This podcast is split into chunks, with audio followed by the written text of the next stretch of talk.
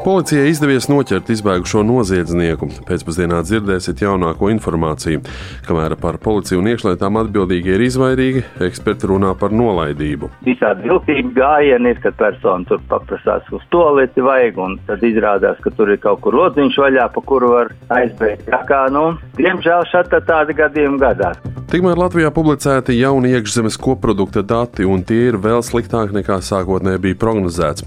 Pēcpusdienā skaidrosim, kādi iemesli ir ekonomikas kritumam un kuras nozares tas skārs visvairāk. Tāpat sazināsimies ar mūsu korespondentu Ukrainā, lai noskaidrotu, kā kara apstākļos vietēji atzīmē Ukrainas valstiskuma dienu.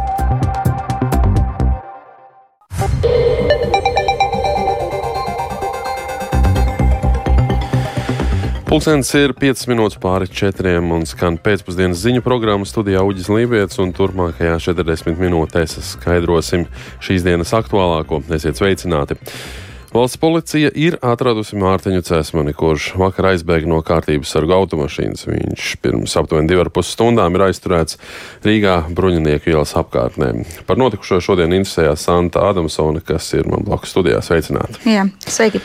Pastāsti, kas tad ir jaunākā, aktuālākā informācija? Um, ir tā, ka uzzinājām, ka valsts policija sola īsu preses konferences brīfingu uh, darba dienas uh, beigās. Tad arī iespējams uzzināsim ko vairāk, bet tad līdz šim es varu pastāstīt, ka uh, 42 gadus vecais vīrietis no policijas automašīnas izbēga laikā, kad viņu apcietināja saistībā ar laupīšanas epizodi, par kuru plašāk uh, nevaram pagaidām nokomentēt. Mm, iepriekš viņš bijis tiesāts par narkotiku vielu nelikumīgu apriti un arī saistībā ar mantiska rakstura noziegumiem.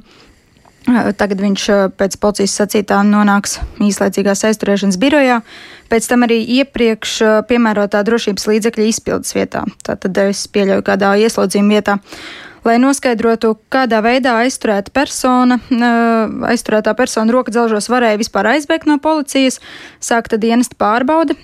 Šodien arī sociālo mediju lietotāji, protams, aktīvi komentēja un, un, un diskutēja par to, kā tas varēja notikt. Nu, zinām to, ka tas notika vakar pēcpusdienā Meža prospekta 90 apkārtnē. Pēc izbēgšanas vīrietis esot devies kapsētas virzienā, paskatījos satelīta attēlā tiešais kartē eh, šo teritoriju, un tur redzams, ka ap to vietu atrodas kafejnīca, autobusu pieturas, un ap kapiem ir tāda mežaina zona. Eh, šodien eh, bijušais valsts policijas priekšnieks mums sniedz komentāru Aldis Lieljuks. Viņš izteicās, ka šis gadījums varētu būt saistīts ar policijas darbinieku nolaidību. Paklausīsimies viņa teikto. Tā kā šajā situācijā īsti nav skaidrs, kādos apstākļos vai viņi ir izbēgusi no vieglās mašīnas vai jau no speciālās mašīnas, kur aizturētās personas ievieto. Mana pieredze saka, ka visdrošākā lieta ir, ja tā persona tev pašam ir klāt pie rokas pieķēdēta, un tad tev nav jābaidās par to, ka viņa tur kaut ko atknibinās vai kaut ko attaisīs un kaut ko aizbēgs, jo tevi kopā nekad neaizbēgs. Arī, protams, visādi viltīgi gājieni ir, kad persona tur paprasās uz toleti vajag, un tad izrādās, ka tur ir kaut kur lodziņš vaļā, pa kuru var aizbēgt. Tā kā, nu, diemžēl šeit tādi gadījumi gadās. Valsts policijā saka, ka bēgšana noteikti nav ikdienišķa situācija un tie ir atsevišķi gadījumi. Protams, pieminēšu, ka par bēgšanu no īslaicīgas aizturēšanas vai ieslodzījuma vietas var piemērot naudas sodu, sabiedrisko darbu, probācijas uzraudzību, īslaicīgu brīvības atņemšanu vai ieslodzījumu līdz pat vienam gadam. Arī par Mārtiņa Cesmaņa šī nu, jau noķertā vīrieša bēgšanas faktu sāks kriminālu procesu. Bet tad, ko vairāk mēs varētu zināt pēc apmēram 40 minūtēm. Nu jā, šīs dienas laikā iekšlietu ministra komentāru mums neizdevās iegūt. Arī valsts policijas priekšnieks pašlaik ir atvaļinājumā, un, kā jau Santa Adamsona arī minēja, tad uh, visticamāk, ka tuvākajos ziņu izlaidumos dzirdēsim arī valsts policijas um, jaunākos komentārus. Paldies, Santa, par um, komentē, komentēšanu. Uh, bet uh, turpinot šo beigšanas tēmu par slepkavības mēģinājumu apsūdzētais Māris Kovaļovs no Rīgas centrāla cietuma pirms nedēļas varētu būt aizbēdzis laikā, kad ieslodzītie ir vesti pastaigā. Tā liecina aģentūras letarīcībā esošā neoficiālā informācija. Un tāpat arī kļūst zināms, ka prokuratūra ir nolēmusi sākt jaunus kriminālu procesus pret bijušās dzīvesbiedras slepkavībā aizdomās turēto Leonu Rusiņu, kurš kopš aprīļa joprojām ir uz brīvām kājām. Internetā neviens vien uzdod jautājumu, kāpēc viņa meklēšanā netika izvērstas tādas pat operācijas kā nu, šajās nedēļās un vakar arī Rīgā. Papildus jaunajiem krimināla procesiem tiks vērtēti arī divu prokuroru iespējamie disciplinārie un viena prokurora iespējamie ētikas normu pārkāpumi. Un pārbaudē pastiprināti tikusi izvērtēta arī prokuratūras atbildīgo amatpersonu rīcības likumība, pamatotība, saulaicīgums realizējot tām uzliktos pienākumus.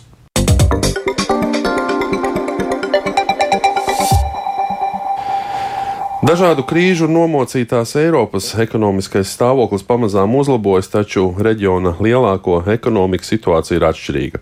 Kamēr Francijas ekonomika piedzīvo nelielu izaugsmi, bet Spānijā ir reģistrēts rekordzemes bezdarbs, tikmēr Vācijas tautsēmniecība turpina stagnēt. Joprojām lielākās galvas sāpes Eiropiešiem sagādā inflācija, kas turpina samazināties, bet saglabājas augsta. Plašāku apkopojumu par Eiropas ekonomikas stāvokli dzirdēs Tulda Ķezbera sagatavotajā ierakstā. Eiropas lielākā ekonomika Vācija piedzīvo grūtus laikus. Pagājušā gada pēdējā ceturksnī un šī gada pirmajā ceturksnī Vācijas iekšzemes koprodukta izaugsme bija negatīva, kas nozīmēja, ka ekonomika ir iegājusi recesijā.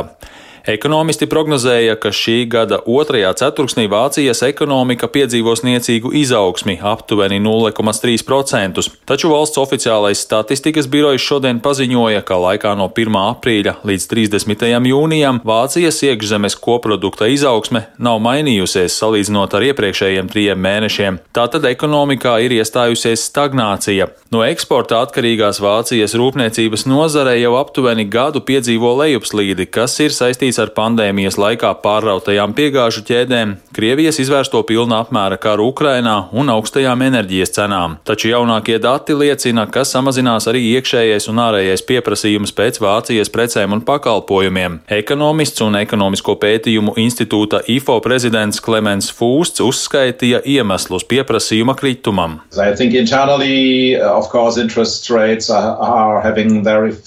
Es domāju, ka procentu likmēm ir efekts. Tāpat Tāpat sava ietekme ir arī tam, ka daudzi cilvēki pandēmijas laikā iegādājās plašu preču klāstu, sākot no mēbelēm un beidzot ar automašīnām un velosipēdiem, bet tērēja daudz mazāk naudas pakalpojumiem. Savukārt tagad mēs redzam, ka privāto maisaimniecību pieprasījums pēc rūpniecības precēm ir neliels. Mēs novērojam arī ārējā pieprasījuma kritumu, un tas varētu būt saistīts ar ciešāku monetāro politiku pasaulē, kas ietekmē pieprasījumu, tostarp pieprasījumu pēc investīcijām. Un Vācijas ekonomika ir ļoti atkarīga no investīciju precēm, bet tās ir jūtīgas pret procentu likmēm. Vācijas centrālā banka prognozē, ka valsts iekšzemes koprodukts šajā gadā saruks par 0,3%. Līdzīgu prognozi šonadēļ izteica arī Startautiskais valūtas fonds, kas norādīja, ka Vācija būs vienīgā no G7 valstīm, kuras ekonomika nepieaugs. Pozitīvāks skats paveras aplūkojot citu lielāko eirozonas ekonomiku jaunākos izaugsmes skaitļus. Francijas iekšzemes koprodukts šī gada otrajā ceturksnī pieauga par 0,5%, bet Spānijas ekonomika pieauga par 0,4%. Francijas ekonomikas izaugsmi ir sekmējis eksports un uzņēmumu investīcijas. Valsts finanšu ministrs Bruno Lemērs neslēpj, ka tas ir pārsteidzoši, jo Francijas ekonomikas izaugsmes galvenais virzītājs ierasti ir bijis maisaimniecību patēriņš. Savukārt Spānijas izaugsmi gada otrajā ceturksnī ir sekmējis ārējais pieprasījums, tostarp ārvalstu turisms. Valstī laikā no 1. aprīļa līdz 30. 30. jūnijam bezdarba līmenis samazinājās līdz 11,6%. Tas bija zemākais bezdarba rādītājs Spānijā kopš 2008. gada. Spānija jūnijā kļuva par pirmo eirozonas dalību valsti, kur gada inflācija samazinājās līdz 1,9%. Eirozonā inflācija jūnijā bija 5,5%, bet Eiropas centrālā banka ir apņēmusies to samazināt līdz 2%. Eiropas centrālās bankas padome vakar 9. sanāksmi pēc kārtas vienojās palielināt procentu procentu likmes, lai samazinātu inflāciju. Bankas prezidenta Kristīne Lagarde norādīja, ka inflācija samazinās, taču tā joprojām ir pārāk augsta un nekas neliecina, ka tā tuvākajos mēnešos varētu samazināties līdz 2%. Tāpēc nav izslēgts, ka Eiropas centrālā banka procentu likmes palielinās arī turpmāk. Uldis Česberis, Latvijas radio. Arī Latvijas ekonomikā ir vērojams attīstības palēninājums, par to liecina jaunākie dati par iekšzemes koproduktu. Gada otrajā ceturksnī tas ir samazinājies gan salīdzinājumā ar iepriekšējo ceturksni, gan tādu pašu laika periodu pagājušajā gadā. Un viens no galvenajiem iemesliem ir Latvijas eksporta spējas pasliktināšanās, tā uzskata ekonomikas eksperti, bet plašāk Zana Seniņas ierakstā. Iekšzemes koprodukta samazināšanos gadu otrajā ceturksnī būtiski ietekmējis kritums ražojošajās nozarēs par 4%, savukārt pakalpojumu nozarēs bijis pieaugums par 0,6%. Tādējādi, salīdzinot ar pagājušā gada otro ceturksni, kritums bijis par 0,5%, savukārt, ja salīdzina ar šī gada pirmajiem trim mēnešiem, IKP samazinājies par 0,6%. Jāatgādina, ka gada pirmajā ceturksnī situācija bija cerīgāka, jo IKP IKP pieauga par 0,8%. Ekonomists Gundars Bērziņš to saista galvenokārt ar Latvijas eksporta spējas pasliktināšanos saistībā ar procentu likmju paaugstināšanu. Tam ir vairāk iemeslu. Pirmais iemesls tas, ka mūsu galvenajiem eksporta tirgiem iet salīdzinoši grūti. Tas nozīmē, ka Eiropā arī eksporta potenciāls šobrīd uh, krītās un uh, rezultātā Latvijas eksporta spēja krītās. Tam par iemeslu, protams, uh, gan Eiropai, gan Latvijai ir izmaksu pieaugums, kas šobrīd veidojas. Tā rezultātā globālā konkurence Latvijas produktiem un Eiropas um, produktiem samazinās. Nu, šis ir tāds klasisks situācija, ka teiksim tā, procentu likuma celšana, Ukrainas Krievijas karš, šī situācija novedus pie tā, ka mūsu konkurētspēja lēnām samazinās. Un arī algu pieaugums, protams, kas noved pie tā, ka mūsu produkcija pakalpojums mazāk konkurētspējīga. Atbildot uz jautājumu, vai IKP samazināšanos var uzskatīt par tendenci, ekonomists Gundars Bērziņš teica, ka tas atkarīgs no vairākiem apstākļiem, tajā skaitā no Eiropas centrālās bankas tālākās rīcības. Kā zināms, pašlaik tā ar procentu likmju celšanu mērķtiecīgi mazina inflāciju, kas palielina dažāda veida izmaksas. Ja Eiropas centrālā banka uzskatīs, ka mērķis sasniegts un inflācijas rādītāji uzlabojas, tā no ekonomikas bremzēšanas pāriešot pie stabilizācijas un attīstības pasākumiem. Tad situācija varētu mainīties uz izaugsmes pusi. Tomēr Gundars Bērziņš arī atzīmēja, ka dažādo faktoru ietekmē valda augsta nenoteiktība, tāpēc ieskatīties nākotnē pašlaik grūti. Latvijas Banka jūnijā IKP pieauguma prognozi šim gadam palielināja no 0,5% līdz 1,2%. Atbildot uz jautājumu, vai jaunākās statistikas ietekmē to varētu pārskatīt, Latvijas Bankas ekonomiste Daina Paula norādīja, ka statistikas dati par IKP vēl tiks precizēti un izvērsti, savukārt Latvijas Banka savas prognozes aktualizēs septembrī komentējot šobrīd pieejamo informāciju par IKP sarukumu un vērtējot kopainu ekonomikā, arī Daina Paula kā būtisku faktoru izcēla procentu likmju celšanas efektu. Mēs redzam, ka lai gan inflācija jau otrā ceturkšņa laikā būtiski saruka, tā vēl ar vienu ir augsta, un augstās inflācijas dēļ ar vienu tiek saglabāta ierobežojoša monetārā politika, un tātad ietur ekonomika rāmjos, īpaši tajās Latvijas tirdzniecības partneru valstīs, kur izsniegto kredītu apjoms ir lielāks, un tas var ietekmēt Latvijas eksportu. Ekonomiste Daina Paula arī norādīja, ka trešajā ceturksnī tautsēmniecībā pasliktinājušās nodarbinātības gaidas. Tās izraisījusi aktivitātes mazināšanās, piemēram, apstrādes rūpniecībā, galvenokārt koksnes izstrādājumu vai būvmateriālu ražošanā, kā arī gausāks preču eksports. Latvijas bankas ekspertas ieskatā augstā inflācija tomēr nav kavējusi tērēt un investēt naudu. Pēdējos mēnešos samazinājies noguldījumu apmērs. Par to liecinājusi arī nedaudz augstāka aktivitāte nekustamo īpašumu tirgū jūnijā. Savukārt no maksājuma datiem redzams, ka otrajā ceturksnī apjoms tomēr bijis par gandrīz 5% mazāks, lielākoties pakalpojumu jomā, kamēr mazumtirdzniecībā samazinājums tomēr nav bijis tik straušs. Zana Eniņa, Latvijas radio. Viena no sfērām, kur tomēr ir novērots kritums, ir pārtikas mazumtirdzniecība. Un šajā brīdī mēs esam sazinājušies ar pārtikas uzņēmumu federācijas pārstāvu Ināru Šūrī. Labdien! Labdien visiem! Vai jūs arī varat apstiprināt no jūsu skatu punkta, ka arī pārtikas ražošanā tomēr tā situācija nav tik iepriecinoša un ir vērojams kritums? Nu, es teikšu, es nebūtu tik pesimistiska, jo mazumtirdzniecība nav ražošana, un mazumtirdzniecībā jūtams kritums mūsu skatījumā varbūt vairāk tāpēc, ka ir ienācis lētais imports un konkurence ir palikusi lielāka, un ražotāji no savas puses dod arī akciju preces, un tādējādi tas samazina tas nu, kā, piebremzē to, to, to augšupeju, bet tas, ka ražotājiem ir grūti, viennozīmīgi, jo darba spēka trūkums dzen algas uz augšu, bez šaubām, ka līdzek, apgrozāmiem līdzekļiem jāņem aizņēmumi ar lielākiem procentiem. Tāpēc arī mūsu konkurētspēja eksporta tirgos ir tiešām grūta, bet nu, ražotāji cīnās. Un, principā, es gribētu atzīmēt to, ka kopumā uh, mazie uzņēmumiem vis, visgrūtāk, un daudzi arī ir bankrotējuši, kā jūs zināt, sevišķi piena nozarē, bet uh, ražotāji pārējie turas un, uh, un, un radoši pielāgo savu ražošanu tādējādi, lai varētu pārdzīvot šo. Šo, šos grūtos laikus, bet uh, mēs cerīgi skatāmies tomēr uz, uz priekšu.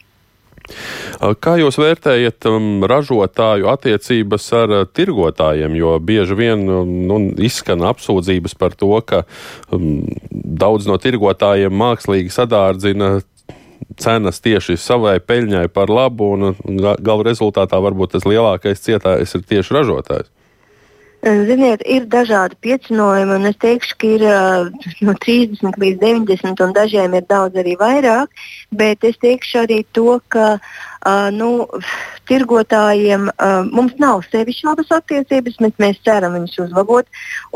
Galu galā saprātīgam piecinojumam jābūt. Mēs gaidām konkurences padomes, kura vienīgā var izpētīt šo visu ķēdīti no lauka, lauksaimnieka, ražotāja un tirgotāja, cik kuram ir piecinojums un kā tas uh, kopumā izskatās. Tāpēc mēs ļoti gaidām konkurences padomes analīzi uh, par, šo, par šiem saprātīgajiem vai nesaprātīgajiem piecinojumiem. Tātad faktiski var teikt, ka ražot ražotāji nu, īpaši savu apjomu samazinājuši nav, bet tas nu, iegūms varbūt ir mazāks. Tieši tā, tieši tā, un mēs uh, ceram uz labākiem laikiem viennozīmīgi. Paldies šajā brīdī, saka Inārai Šurai no Pārtikas uzņēmuma federācijas, bet viens no mūsu ekonomikas balstiem tradicionāli ir bijusi kokrūpniecība, un taču arī šeit imports un eksports gada sākumā ir samazinājies pat par 20%, un Latvijas kokrūpniecības federācijas viceprezidents Kristofs Klauss iepriekš to skaidroja ar karu Ukrainā, un šobrīd ar Kristofu Klausu esam sazinājušies. Sveicināti! Labdien visiem! Nu, no vienas puses, sausa vasara ar uh, lieliskiem laikapstākļiem, lai aktīvi strādātu mežā. Iepriekš pats arī esat Latvijas rādio minējis, ka šis ir tāds pārdomu laiks uh, mežrūpniekiem. Cik ilgi šāds pārdomu laiks, jūsuprāt, varētu turpināties? Nu, kāda dītiņa vēl būs, tas ir skaidrs. Jo, lai gan situācija ļoti sarežģīta, par ko es tūlīt runāšu, eksistenciāls jautājums tomēr mēs vēl neuzdodam. Šīs ir uh, ļoti mm, sarežģītas, bet tomēr pārējošas uh, problēmas, jeb izaicinājumi. Arī pieminētā sausā vasara ir taisnība. No vienas puses ir ārkārtīgi uh, kā, nu, labvēlīgi apstākļi mežā, bet no otras puses šis sausums palielina ugunsbīstamību, kas ierobežo to darbības, un vēl vairāk izgrauž postiņu, kas valstī notiek. Ir diezgan pamatīgi iesaldējuši cirsmu fondu, kurā drīkstētu strādāt, lai mēs neizdarītu vēl kādu lielāku postījumu. Tā iemesla dēļ mums šoreiz sausā vasara nedēva to efektu, ko citus gadus mēs būtu baudījuši. Pirms dažiem gadiem, piemēram, Amerikas Savienotajās valstīs, mēs novērojām ļoti strauju koku materiālu cenas kāpumu. Arī Latvija bija starp tām valstīm, kas diezgan labu peļņu guva šajā krīzes situācijā. Tagad varbūt mēs redzam piebremzējumu, vai ilgtermiņā mēs varam runāt par izlīdzinātiem rezultātiem, vai tomēr ir kaut kādas tendences līknes vērojams. Redziet, nu īstermiņā mums nevajadzētu būt nepakaļam pārsteigtiem, ko mēs redzam IKP rādītājos. Jo, jo ko tad centrālās bankas gribēja panākt? Viņas ar procentu likmēm gribēja panākt preču patēriņu samazinājumu, to viņas ir panākušas, būvniecības uh, kritumu, to viņas ir panākušas. Tas ir abas divas tās ir ienākuma zonas manai nozarei savukārt. izmaksu zonu, ko centrālā banka mēģināja nobremzēt augu pieaugumu, tur viņas nebija tik efektīvas, un, un, un savukārt mums arī nav liels prieks, jo tās ir mūsu izmaksu zona. Tā iemesla dēļ to, ko mēs redzam IKP kritumā, varētu saukt par prognozējumu korekciju un nevis prognozētu traģēdiju. Tā līdz galam es negribētu teikt, ka viņi pārvērtīsies par traģēdiju. Bet eh, tas galvenais stāsts jau nav. Es saprotu, jums kā patērētājiem interesē cenas augsts vai cenas kritīs. Ilgtermiņā viņas viennozīmīgi augsts. Bet, ja mēs vērtējam kā ekonomisti un, un, un, un no nozares skatu punktu, mēs jau kā kārtīgi latvieši skatāmies nu, ar diviem jautājumiem šo lietu. Viens ir, kā iet mums un kā iet mūsu kaimiņam. Viennozīmīgi mums iet grūti, bet uh, tas, kas to rūpju vajag ievelkt vēl dziļāk, ir tas, ka mūsu kaimiņiem iet labāk nekā mums, piemēram, Zviedriem. Viņiem ar konkurētspēju ir daudz labāk. Mēs, principā, pret Zviedriju, Baltiju, Latviju zaudē šobrīd strauji konkurētspēju. Kaut vai elektrībā mums nav neviena diena bijusi, ka biržā būtu Latvijā lētāka cena nekā Zviedrijā. Bāļķi ir ievērojami lētāki nekā Zviedrijā. Un tas ir tas moments, kur mm, šajā mācību stundā, ko mēs gūstam, nav tik daudz jāuzdod jautājumi par noietu vai par patēriņu. Tur mums puslīdz atbildes ir, bet drīzāk jautājums, kas mums ir jāatrisina valstī vai jārisina, ir mūsu konkurētspēja. Līdzīgi tāpat kā pārtiks ražotāji runāja. Šobrīd, diemžēl, šajās um, ekonomiskas vētrās Latvija zaudē konkurētspēju. Vai šī, šīs izmaiņas ir panākamas valstiskā līmenī, vai tomēr arī Eiropas līmenī ir nepieciešams kaut kāds skatījums uz šo vairāk? No Eiropas līmenī mēs kā Eiropas Savienība zaudējam konkurētspēju pret Āziju un, un, un ASV. Tas arī ir skaidrs, bet nu, tas man laikam būtu pārāk augsts lidojums, lai sāktu apspriest šo jautājumu. Uh, savukārt, ja runājam par Latviju, tur jau jāsaprot, ka mūsu vispārējais Eiropas Savienības valsts ir konkurences, konkurences un tā iemesla dēļ mums ir jādomā, kādā veidā mēs, piemēram, pret Zviedriem, Somiem vai Vāciešiem esam labāki. Tā kā šis tiešām ir mājas darbs mums pašiem un arī valdībai. Šajā brīdī saku paldies uh, Latvijas Kokrūpniecības federācijas viceprezidentam Kristapam Klausam.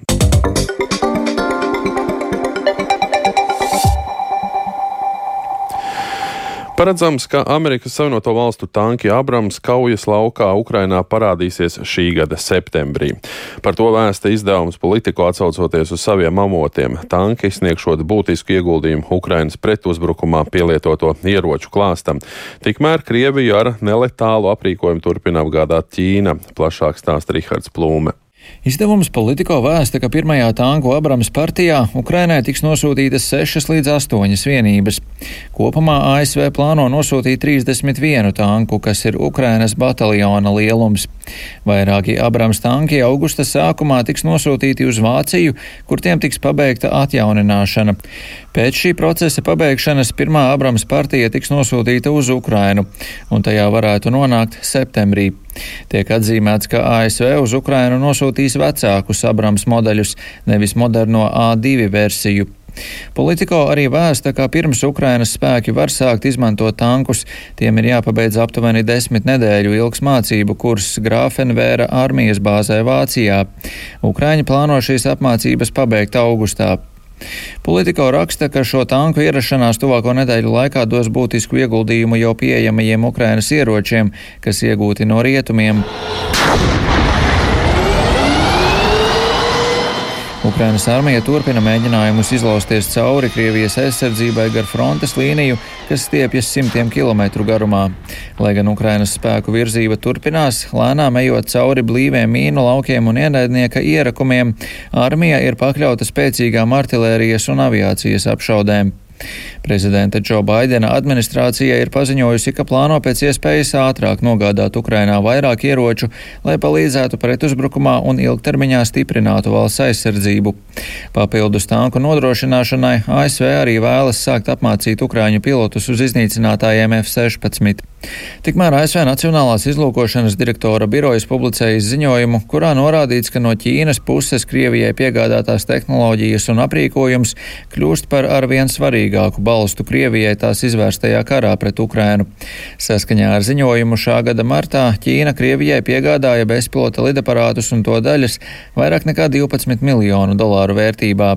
Turklāt Ķīnas valstī piedarošie aizsardzības uzņēmumi piegādāja sankcionētiem Krievijas valsts aizsardzības uzņēmumiem dažādas divējāda pielietojuma iekārtas. Kopš 2021. gada ievērojami pieaudzis arī pusvadītāju eksports no Ķīnas uz Krieviju. Rihards Plūme, Latvijas radio. Bet Ukrainā šodien atzīmē valstiskuma dienu, un par to, kā tā norit, esam sazinājušies ar Latvijas radio korespondentu Ukrainā Indru Sprānci. Sveika, Indra! Jā, labdien! Šodien Ukrainā atzīmē valstiskuma dienu un Kīvas Krievzemes kristīšanas dienu, kurai pēc baznīcas kalendāra aprīt, aprīt 1035 gadi. Un jau otro gadu šie Ukraiņiem nozīmīgie notikumi tiek atzīmēti valstī atrodoties kara stāvoklī. Tomēr, neskatoties uz to, no rīta Kīvā notika svinīgs pasākums Mihailivska laukumā, uz kur bija ieradies Ukrainas prezidents, bruņoto spēku vadība, parlamenta priekšsēdētājs premjers un dažādu armijas struktūru vienību pārstāvji, arī nelielas vienības no policijas, dažādiem glābšanas dienestiem un struktūru vienībām, kas visi ir iesaistīti karā viena cīņa cīnoties ar ienaidnieku frontē, citi glābjot cietušos vai citādi rūpējoties, lai valsts uh, turpinātu pastāvēt šajos smagajos kara apstākļos. Un savā uzrunā Zelenskis uzsvēra to, cik svarīgi arī no vēstures skatu punkta ir uzvarēt cīņās, nevis paļauties uz likteni, nevis tirgoties, bet tieši cīnīties un uzvarēt, lai saglabātu savu valstiskumu arī nākamajām paudzēm. Un uh, Ukrainas prezidents sacīja, ka netic tam, ka Krievija negribēs atgriezties Ukrainā arī ar agresiju arī pēc tam, kad būs padzīti no šejienes. Tāpēc ir ļoti svarīgi, lai uzvara būtu tāda, ka nākošais mēģinājums nekur tālāk par trakām fantāzijām nenonāktu. Nu, pēc šīs uzrunas notika arī piemiņas brīdis visiem, kas ir krituši kaujās, un Zelenskis arī apbalvoja karavīrus, kas ieguvuši Ukrainas varoņa apbalvojums, tātad ir nodemonstrējuši ļoti labu sniegumu, arī policistus un dažādu citu dienestu darbiniekus par uh, varonību, dažādās situācijās pildot savus dienestu pienākumus. Un tāpat ļoti emocionāls izvērtās brīdis, kad Zelen Zelenskis pasniedza pirmās pases vairākiem jauniešiem. Lielākā daļa no šiem pusauģiem ir zaudējuši savus tēvus karā, un Zelenskis personiski viņiem pasniedz šo pirmo viņa dokumentu, un bija redzams, ka gan pusauģiem, gan arī viņam pašam tas bija ļoti emocionāls brīdis. Kā Ukraiņas iedzīvotāji atzīmē šos svētkus? Nu, drošības apsvērumu pēc šī svinīgā pulcēšanās laukumā šodien nebija pieejama iedzīvotājiem, teritorija bija norobežota. Daži interesanti gan pa gabalu vēroja, tomēr nu, ar visu to tādu nelielu svētku atmosfēru Kīvas centrā bija vērojama. Uh, mazliet vairāk redzam cilvēku višvankās, kas ir izšūti Ukrā, Ukraiņu tautiskie tā, tādi krekli un, un kleitas arī. Es arī šodien uzrunāju dažus Kīvas iedzīvotājus, lūdzot viņu viedokli, ko šī diena viņiem pašiem nozīmē. Un uh, uzrunātie atzina, ka tāda svētku sajūta īsti nav, jo karš turpinās un katru dienu pienāk jaunas ziņas par bojā gājušiem. Katru dienu ir arī raizes par saviem tuviniekiem, tomēr, protams, šie te notikumi ir pieminēšanas vērti. Sastapu arī divas kundzes no attālākiem Ukrainas reģioniem, kurš šodien speciāli šai dienai par godu bija atbraukušas uz Kijivu, uh, lai varētu piedalīties aizlūkšanā par Ukrainu. Paklausāmies iedzīvotāju šodien man pausto uz jautājumu, ko viņiem nozīmē šī diena dienu. Ми приїхали, щоб помолитися в Києво-Печерській лаврі з соборною службою, щоб попросити Господа, щоб Господь послав нам мир, spokī. Mēs atbraucām, lai lūgtos Pečera klosterī, lai lūgtu Dievu, lai tas mums sūta mieru, lai mēs ātrāk uzvarētu tik smagu un liekulīgu ienaidnieku. Tas, ko viņi dara, tas ir ļoti grūti. Visvairāk tie viņu informatīvie meli un nepatiesība, tā liekulība. Viņi nevar samierināties, ka mēs esam brīvi, bet mēs esam un būsim brīvi. Бути вільними, а ми вільні і ми будемо ними. проблемы. За последний год многим людям пришлось задуматься о том, что такое лично для них Украина. Pēdējā gada laikā daudziem cilvēkiem nācās aizdomāties par to, ko viņiem pašiem personiski nozīmē Ukraina. Kāda ir valsts vērtība, kāda nozīme ir patriotismam, nācijai un tā tālāk. Es personiski līdz Krievijas iebrukumam biju vairāk piekritējis futūristu idejai, ka nacionālas valstis atmirst, ka tam nav lielas nozīmes, ka tā ir vakardiena un tas viss ir novecojis. Bet pērn, 24. februārī, es to ļoti dziļi pārvērtēju. Sapratu, ka ļaunais kaimiņš vēlas, lai mēs nebūtu kā valsts, kā identitāte, kā nacionalitāte, tad es tik ļoti gribu, lai mēs būtu, ka es tādēļ esmu gatavs karot un riskēt ar savu dzīvību. Для меня это причина для того, чтобы воевать и рисковать жизнью. Зараз, як ніколи, ми себе відчуваємо єдиною державою, єдиною нацією. Я сподіваюся, що Tagad, kā nekad agrāk, mēs sevi apzināmies kā vienotu valsti, vienotu nāciju. Es ceru, ka daudzi cilvēki tā jūtas. Ne visi. Šos svētkus, kas varbūt nav tik populāri kā neatkarības diena, mēs skaidrosim saviem bērniem, lai viņi to nodod tālāk. Tā jau ir daļa no mums, mūsu kā ukraiņu identificēšanās. ці, ці свята і наша ідентифікація як українців. Te jāpiebilst, ka šodiena daudziem ukraiņiem saistās nevien ar šiem te eh, baznīcas svētkiem, šo te vēsturi, bet arī ar šausminošiem notikumiem pērn naktī no 28. uz 29. jūliju eh, Krievijas okupācijas varas izveidotajā cietumā Oleņivki, kur bojā gāja aptuveni 50 azovu karavīri, bet milzīgs skaits, vairāk nekā 100 ieguva ievainojums un stundām nesaņēma nekādu medicīnisko palīdzību. Arī šie notikumi šeit Ukrainā šodien tiek eh, dažādi pieminēti. Nu, un, protams, mums interesē, kāda ir situācija pašā Kijavā vai debesis mierīgas. Pa dienas vidu īsu brīdi bija gaisa trauksme, bet reāls uzbrukums nebija, bet diena, protams, nav beigusies. Nu, savukārt pagājusī nakts bija salīdzinoši mierīga un pat bija mazāk uzbrukumu nekā vidēji parasti ierasta, ka skatīsimies, kā būs vakarā. Paldies, sakām mūsu korespondentei Ukrainā Indrai Sprāncei.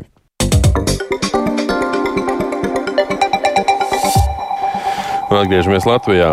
Cik ilgi Rīgas domē līdzinājās koalīcijas frakcijas par tālāko sadarbību var spriest? Šodien pēc kārtējām sarunām, kurās tikās frakcijas par progresīvie ar Nacionālo apvienību un Latvijas reģionu apvienības kopīgo sarakstu, jautājumā par vicemēru skaita progress nav panākts. Vai doma tiešām var atlaist, ja līdz rudenim politiķi nespēs ievēlēt pilsētas mēru? Patiesībā Rīgas doma bez mēra varot strādāt arī ilgāk. Vairāk Viktora Demīdova sagatavotajā sižetā. Arī pēc šodienas divu frakciju sarunām jautājumā par Rīgas domas vicemēru skaitu kompromiss nav panākts. Lielākā frakcija par progresīvie uzskata, ka mēra vietnieku skaits ir jāsamazina līdz vienam. Turpretim Nacionāla apvienība Latvijas reģiona apvienības kopīgais saraksts norāda, ka Rīgā ir jāpaliek trim vietniekiem. Daudzkārt dzirdēts, ka domē mērs jāievēl divu mēnešu laikā. Šajā gadījumā tas jāizdara līdz septembra sākumam. Pretējā gadījumā saima domi var atlaist. Taču izrādās, tas var arī nenotikt. Galvenais apstākļis - vai doma spēja pieņemt lēmumus un izpildīt darbus. Tā skaidro vides aizsardzības un reģionālās attīstības ministrijā, norādot, ka doma savus pienākumus pašlaik pilda. Tāpēc likumu par domas atlaišanu var neiedarbināt. Tas nozīmē, ja līdz rudenim koalīcijas sarunas vēl turpināsies, bet doma savas funkcijas pildīs, ārkārtas vēlēšanu visdrīzāk nebūs. Turpina vides aizsardzības un reģionālās attīstības ministrijas valsts sekretāra vietniece Ilze Oša. Es negribētu, protams, minēt, ka tas var turpināties līdz nākamajām vēlēšanām. Es gribēju pateikt tieši otrādi, ka šie divi mēneši nav tas izšķirošais brīdis, nu, pēc kuram iestājoties automātiski iestājās sekas par domas atlaišanu. Tā tas nav. Tomēr likums paredz, ka domas darba organizācija notiek ar domas priekšsēdētāju tā skaitā, un tas nozīmē, ka šim nu, lēmumam par to, ka priekšsēdētājs tiek ievēlēts, tam ir jābūt. Jautājums, vai tie ir divi mēneši vai trīs mēneši, tas nebūtu tik izšķirīgi. Domas likteni var noteikt arī iedzīvotāji, kuri var aicināt rīkot referendumu, ja viņiem notikumi domē nepatīk. Tā pauž Latvijas pašvaldības savienības vecākais padomnieks Māris Pūķis. Tas ir tikai tādā gadījumā, ja patiešām ir iemesls tam kāds. Nu, pagaidām nekāda īpaša iemesla nav, jo nekāda īpaša politika Rīgas domas nav mainījusies. Tāda pat kā bija pagājušajā gadā, ir arī šogad. Iedzīvotājiem svarīgāk būtu zināt par ielu seguma jautājumiem, namu apsaimniekošanu, sociālo palīdzību un izglītību, nevis par politisko spēku principiālām lietām, kas domniekiem joprojām ir aktuālas. Tieši tas viņiem tagad traucē vienoties. Tā Latvijas radio iepriekš uzsvērusi sabiedriskās politikas centra providus pētniece Līga Stafetska. Tas, par ko vajadzētu vienoties, ir ļoti konkrētas saimnieciskas lietas, kas ir tas paveicamais, ko var paspēt šajos divos gados, un, protams, arī kaut kāda zināma ambīcija nākotnē, lai tas Rīgas iedzīvotājs spētu noticēt, ka nu, šeit ir darīšana ar kaut kādiem lietpratējiem, saprātīgiem cilvēkiem, kas tiešām domā par Rīgas interesēm, jo šobrīd šīs te rīdzinieka intereses, viņas stipri ir pazudušas šajās cīņās, un ir tāda mikropolitiskā nu, tāda konkurence, ko mēs varbūt vairāk redzētu nacionālā līmeņa politikā, bet Rīgā ir tiešām runa par ļoti konkrētām saimnieciskām vajadzībām. Nākamās koalīcijas sarunas gaidāmas jaunudēļ, kad progresīvie tiksies ar deputātu bloku Kods Rīgai. Viktors Demidovs, Latvijas radio. Lai gan vasara un arī turisma sezona jau ir pilnbriedā, šī būs tikai pirmā pilnā darba nedēļa vēsturiskajai līgatnes pārceltuvei Cēsnovadā, kas cilvēkus uz pārgaujas apvienības traupas pagastu un otrādi tikai ar straumu spēku ved arī ziemā. Slēgts kopš um, februāra beigām prāmis pavasarī neatjaunot darbību, jo bija sabojāts palos. To neizdevās palaist ne Jāņos, ne jūlijas sākumā, kā solīja atbildīgās personas. Kā tagad sokas kuģošana pāri upei un kādi bija iemesli tik ilgai dīkstāvē? Noskaidrot noskaidrot devās jau puķe.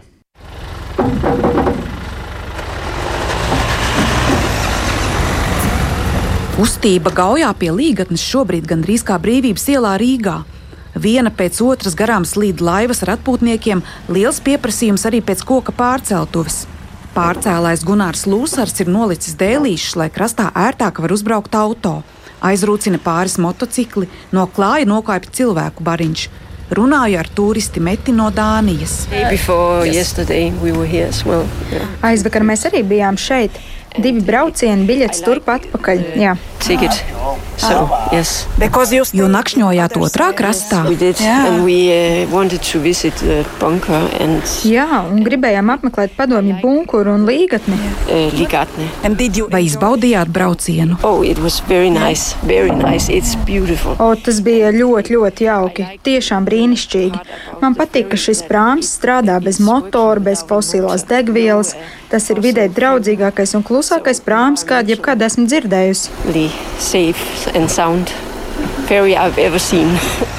Šai viesņai ir tiešām paveicies, jo prāmis darbu atsāka tikai 21. jūlijā, apstiprina pārcēlājs. Jā. Kāpēc tik ilgi? Sausums? Protams. Ja divi pusi trīs metri no krasta viņš negāja klāt, te sēdās virsū. À, viņš salabots bija līdz tam jūlijam, no, ja kā solīja. Bija. Jā. Tikai viņi jau nedabūja krastā. Dīkstāves laikā Gunārs Lūsars ar pārinieku cilvēkus pāri upei cēla ar laivu. Pārcēlāju algas ir nelielas.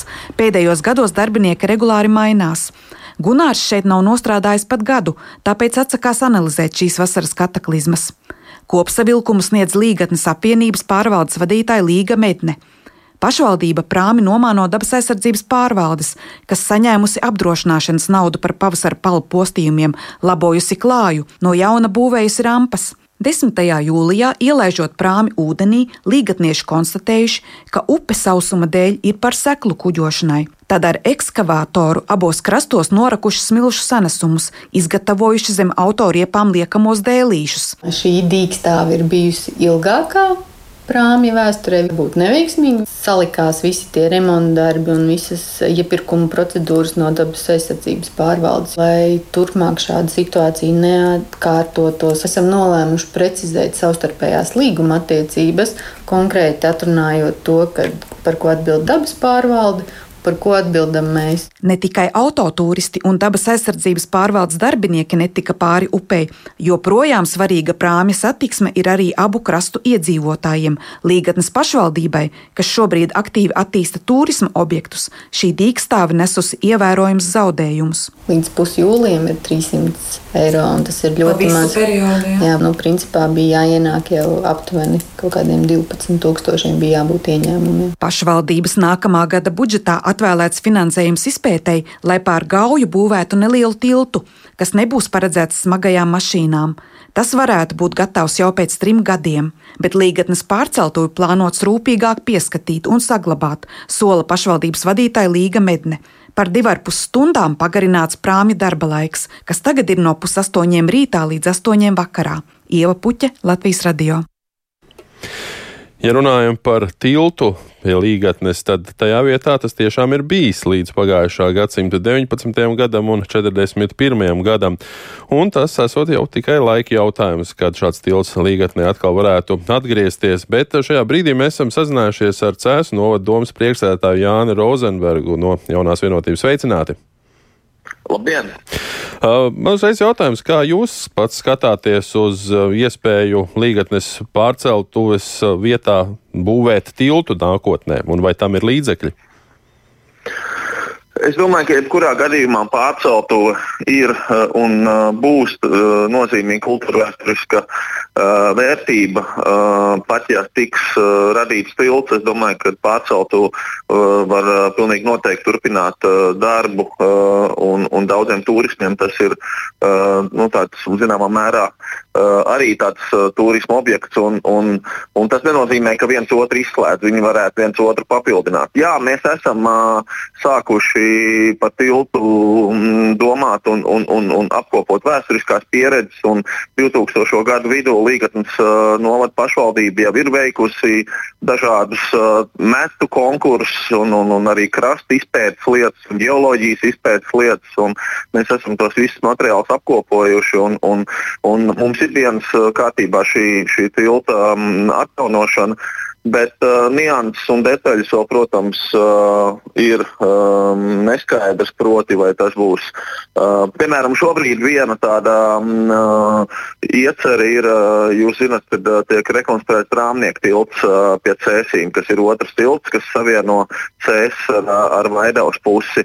Un, uh, tur daudz gadus uh, bija trošu gājēji un, un viena iespēja varbūt ir izvērtēt šo, uh, jo šo trošu tiltu demontēs būvnieki. Tūlītās septembrī viņi pabeigs rāmnieku tiltu rekonstrukciju un blakus esošais gājēji trošu tilts uh, tiks demontēts. Un mēs esam runājuši ar, ar būvniekiem, ka viņi ir gatavi šo tiltu demontēt rūpīgi un, ja pašvaldībai ir um, nu, kādas ieceras šo tiltu uzstādīt, piemēram, līgatnē kā pirmo, Uh, elementu, tad, tad viņi ir gatavi šo tiltu nodot. Mums ir izpētes stadijā, vai šo tiltu var uh, demontēt un uzstādīt no jauna um, līgatnē. Tas varbūt uh, būs pirmais solis, lai visas 365 dienas gadā cilvēki ar kājām, ar riteņiem, ar uh, velosipēdiem uh, un motocikliem tiek pāri. Uh, Mēs arī esam vērtējuši citas iespējas, kā piemēram, mēs esam vērtējuši arī iespējams, ka Real Baltica laikā radītais uh, tilts Rīgā, kas ir pagaidu tilts, būs varbūt, ka to var demontēt un uzstādīt šeit.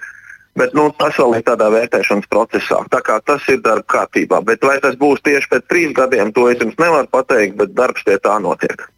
Mēs vairāk runājam par gājējiem, bet vispār runājot par turistu plūsmu, mēs zinām, ka faktiski no Siguldas līdz Cēsīm neviena tilta pa vidu nav. Kā tas varētu ietekmēt satiksmi, ja mēs tomēr varētu runāt arī par automašīnu tiltu? Nu, tieši tas arī ir tas iemesls, kad uh, tie attālumi uh, no līgatnes puses uz uh, cēsu vai uz sigultas pusi ir lieli. Un, ja jābrauc riņķī, uh, tad tie ir nu, vieni 70, 80 km, kas ir cilvēkam jāmājo. Līdz ar to tas pilnīgi noteikti nu, uzlabos uh, satiksmi un mobilitāti starp uh, straupi un, un līgatni, tā skaitā arī regulāriem pārvadājumiem vai tas ir uh, skolēna autobuss, vai tas ir uh, sabiedriskais autobuss, vai, vai kāda cita um, transporta vienība. Nu, droši vien, ka mēs visticamāk neskatāmies, ka šis tilts varētu būt tiešām baļķvedējiem vai, vai, vai lielajām fūrēm uh, un, un, un kravas mašīnām. Paldies šajā brīdī sāku Cēzu novada domas priekšstādētājiem Jānim Rozenbergam, ar kuru runājām par iespējām, ka kaut kad nākotnē līgatnē varētu būt arī tilts pār gauju. Šajā brīdī izskan raidījums pēcpusdienā. Tās, tā producents Kārlis Dagilis ieraksts montēja Renārs Šteimanis, par labskaņu rūpējās Mārtiņš Paeglis, ar jums sarunājās Uģis Lībietis. Vēlreiz īsumā par svarīgāko Rīgā ir notverts vakar no policijas aizbēgušais vīrietis. Ekonomisti brīdina par izaugsmes sabremzēšanos, bet Ukraina atzīmē valstiskuma dienu. Ja vēlaties šo pārraidi noklausīties vēlreiz vai dalīties ar citiem, to noteikti varat atrast Latvijas radio mobilajā lietotnē, kā arī mirkli vēlāk lielākajās raidierakstu platformās ar nosaukumu Dienas ziņas. Yeah.